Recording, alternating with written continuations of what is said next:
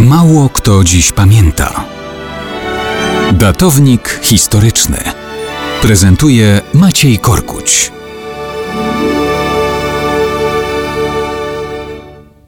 Mało kto dziś pamięta, że mija 100 lat od 30 stycznia 1919 roku.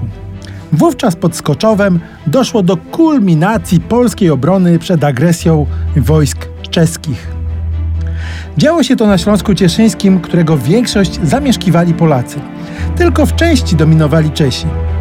Imperium Habsburgów rozpadało się, więc 5 listopada 1918 roku Polska Rada Narodowa Księstwa Cieszyńskiego podpisała porozumienie z czeskim Zemskim Narodnim Wyborem. Polubownie dokonano podziału. Ziemie w większości zamieszkane przez Polaków z Cieszynem, powiatem cieszyńskim i polską częścią frysztackiego pozostały przy Polsce. Powiat frydecki, czeska część frysztackiego przy Czechach. Wydawało się, że dwa bliskie sobie narody mogą żyć w zgodzie. Wydawało się.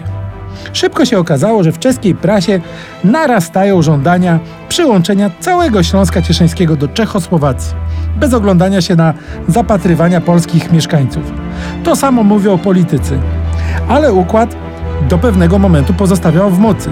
8 stycznia 1919 roku część polskich jednostek wojskowych została stamtąd wysłana do walk z Ukraińcami o Lwów. Czesi postanowili to wykorzystać, choć oficjalnie zapewniali, że nic się nie dzieje.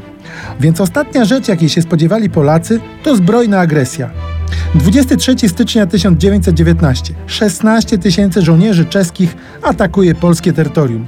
Polacy stawiają opór, ale mają tutaj dziesięciokrotnie mniejsze siły. Są zabici i ranni. W Stonawie Czesi mordują 20 polskich jeńców. Zajmują Cieszyn. Polacy z konieczności cofają się.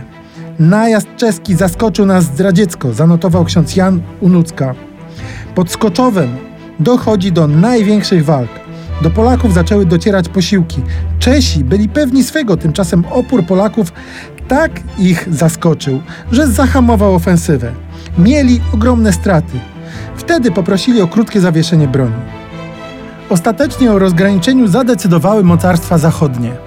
Niestety ustalono krzywdzącą dla Polaków linię graniczną wzdłuż Olzy.